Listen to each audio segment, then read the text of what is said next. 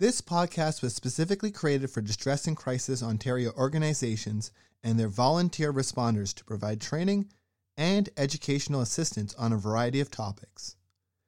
As information evolves and changes, these podcasts are meant to offer ongoing support with the goal of updating them on an ongoing basis. We thank the volunteer responders and the contributors to this podcast. Please visit our website, dcontario.org, for more information and how to access free mental health services. Thank you.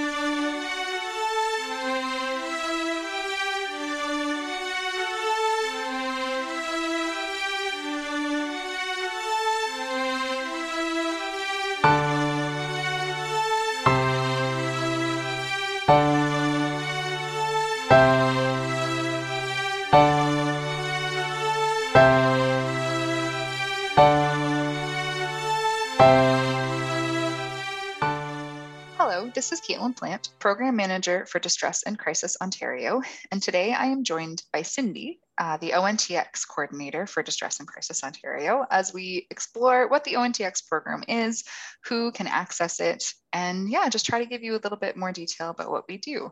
So, Cindy, thank you for joining me. You're welcome. Thank you, Caitlin.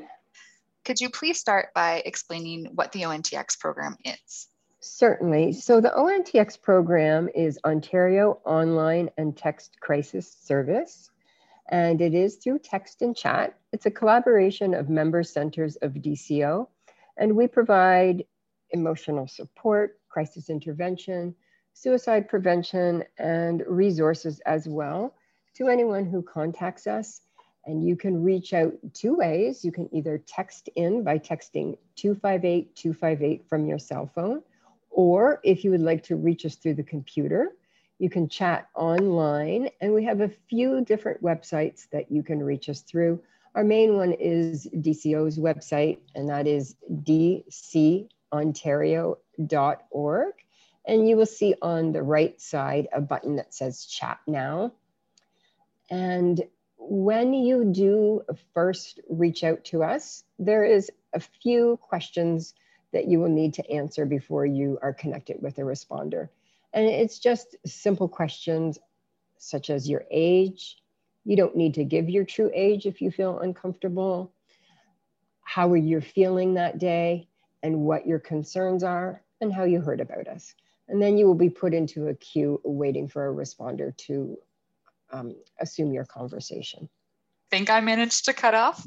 Um, okay, cool but we'll just cut out that little bit. Your answer was good. I just got distracted right at the end there. okay. so we'll cut this bit out and keep going. Thank you so much for that explanation. Um, I guess my next question is who is able to access it?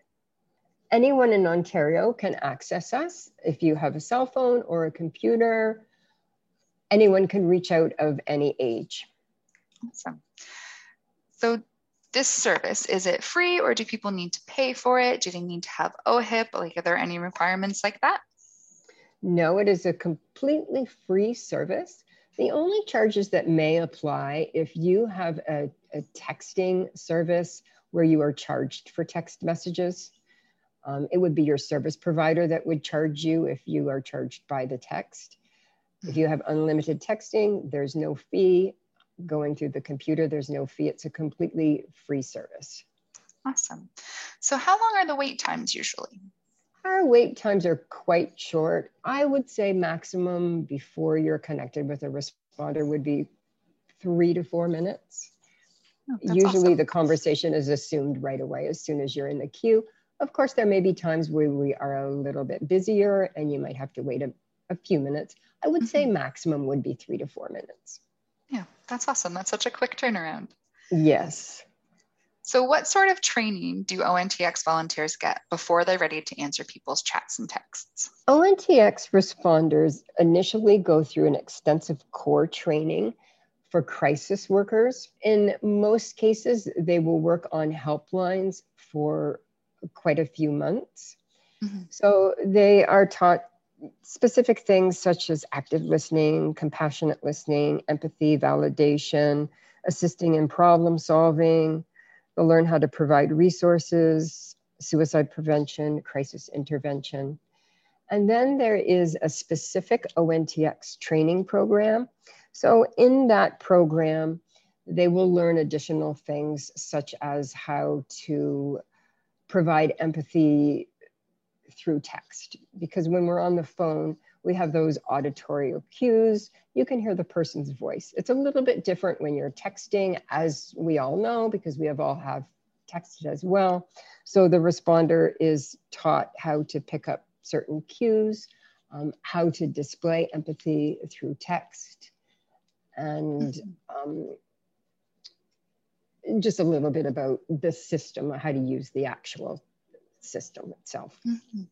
Yeah, that's very interesting. I wouldn't have thought of trying to explain empathy in a text format. So that's, yeah, very interesting that that's included in the training.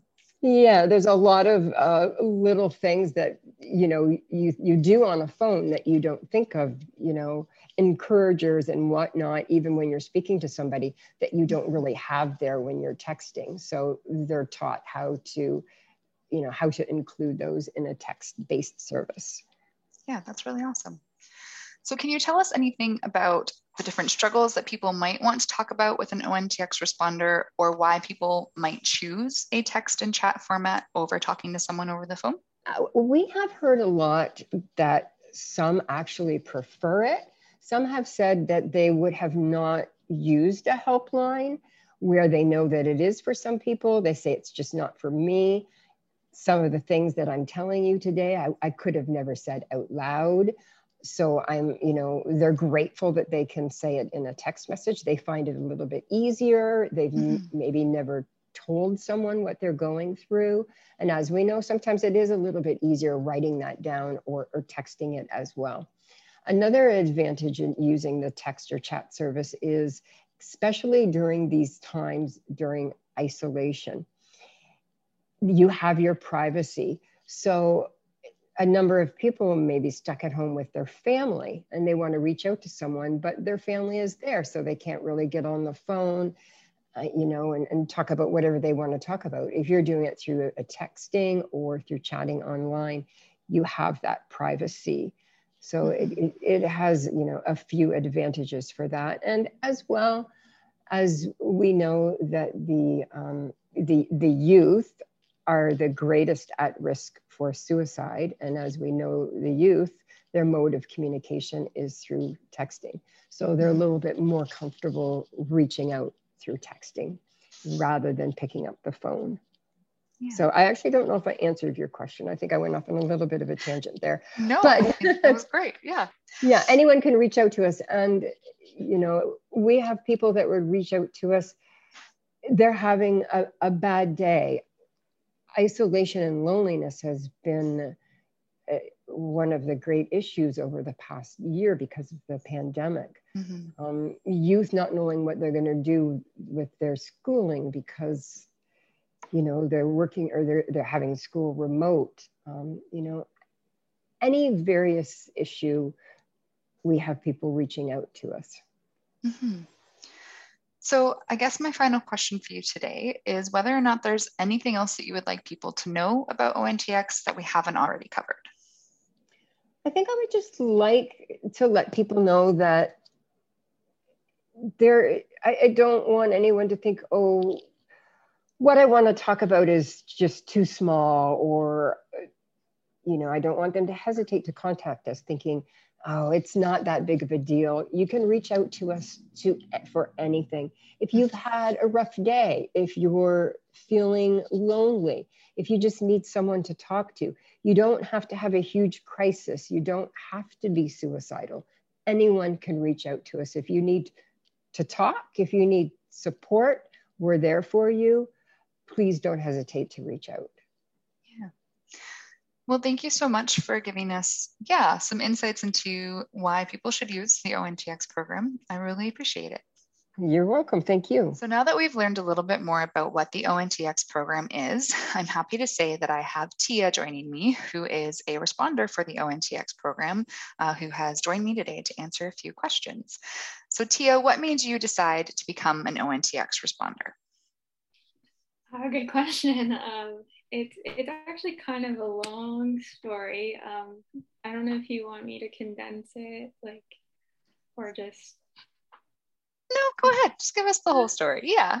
right. So, yeah, it's a long time ago. Like, well, first of all, mental health is kind of very close to home for me and my family. Um, we know a lot of people who have struggled, and there's a point in time where I was in a lot of trouble myself, um, and I couldn't really speak to a lot of people about what I was going through. Um, and oddly enough, I had met a group of people through Twitter who were going through some similar things. So we kind of were virtual supports for each other because we all lived in different countries. Um, but again, it was hard for us too because we were kind of like so codependent on each other that we could have really like used a third party, like a kind person, just to sort of talk through our stuff and just be non-judgmental in that. Um, mm-hmm. So when I heard about ONTX, I was like, well, this is what we needed. like, this is perfect. And at that point, I was in a good place with myself and my mental health. So I was like, you know what? I'm going to do this because, like, this reminds me of my Twitter friends, and this is what I would have wanted us to have. So, yeah, just having somebody in our corner would have been exactly what we needed. So that's why I'm here. Yeah, thank you so much for sharing that. I really appreciate that. And yeah, I love that you took your personal experience and saw a need and then when you saw a way to fill that need, you you yeah, stepped up and made it happen. That's that's really awesome. So, having said that, what's been the greatest positive outcome that you've experienced as an ONTX volunteer? Uh, lots of them. Um, of course, like just knowing that when you're on your shift, you're helping people out and helping them, you know, even just get through one more night. That's very mm-hmm. rewarding. Um, but I would say the biggest thing is um, kind of just learning the power of listening, if that makes sense. Like, mm-hmm. I used to think I was a, a good listener, like, but I was only listening because I wasn't talking. I was just letting other people talk. But there's a difference between doing that and like you know, asking those questions, like letting them know you've heard them and by like validating them. So that's also translated really well into my personal life mm-hmm. and the mm-hmm. connections I have with other people and even with the other volunteers and staff at ONTX. So that's been like a huge positive for me. Yeah. I'm not going to lie that I do sometimes use those practices in my podcast interviews. So I understand what you mean, kind of, yeah, pulling out those things that people have said and using them to carry on conversation. Yeah, mm-hmm. it's uh, definitely helpful to know. Mm-hmm. Yeah. So, my last question for you, really quick today, is just whether or not you would recommend volunteering at a distress slash crisis line or for ONTX. Yeah, I I would say I definitely would. If you you want to connect with others and help people and just be sort of like a cheerleader for people, um, or alternatively, just kind of help them sit with the feelings and thoughts they're having, then I would definitely recommend it. Um, I know like some people are afraid that it will be scary and tough, but also you always have other volunteers and staff there for you too. Mm-hmm. So yeah, would definitely recommend it if you're looking to give back. Yeah. Well, thank you so much, Tia. I really appreciate having your input. Thank you. Thanks for having me.